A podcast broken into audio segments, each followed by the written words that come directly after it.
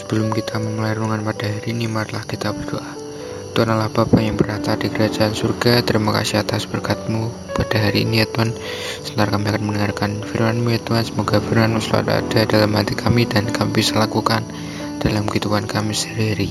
Terima kasih ya Tuhan, dalam nama saja Tuhan Kristus, ya amin. Suling 23 Mei 2022 Motivasi dalam memberi. Bacaan Alkitab 2 Korintus 9 ayat 6 sampai 15.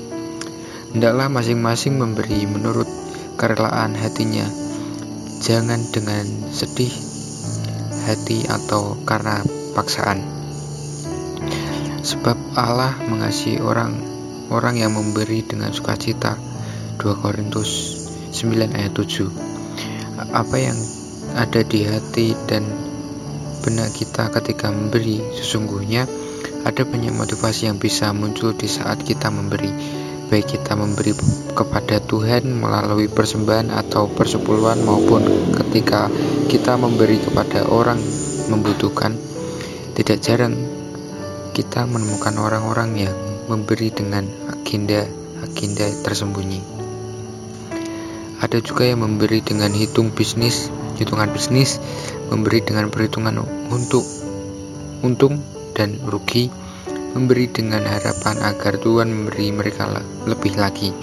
Kepada jemaat di Korintus yang saat ini berencana untuk memberi bagi pekerjaan Tuhan di Yerusalem, Paulus mengingatkan agar mereka memiliki motivasi yang benar dalam memberi. Paulus ingin agar jemaat di Korintus dapat memberi dengan sukacita. Memberi haruslah disertai dengan keikhlasan, kerelaan hati, bukan karena keterpaksaan atau agenda-agenda lain yang lebih buruk. Tuhan mengasihi orang-orang yang memberi dengan sukacita, sukarela. Motivasi dalam memberi sungguh penting untuk kita perhatikan baik-baik. Kita perlu memeriksa hati kita di saat memberi, apakah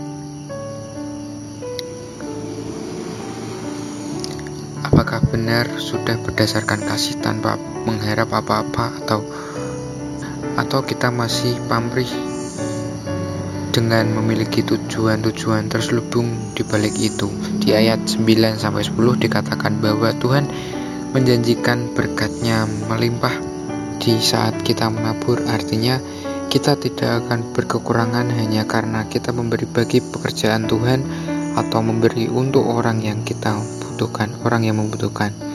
Sebelum kita memberi, sesungguhnya Tuhan sudah terlebih dulu melimpahkan karunia dan berkatnya bagi kita, didasari oleh kasih Tuhan yang begitu besar kepada kita, maka maka sudah selayaknya kita pun tidak takut berbagi untuk pekerjaan Tuhan atau untuk orang yang membutuhkan.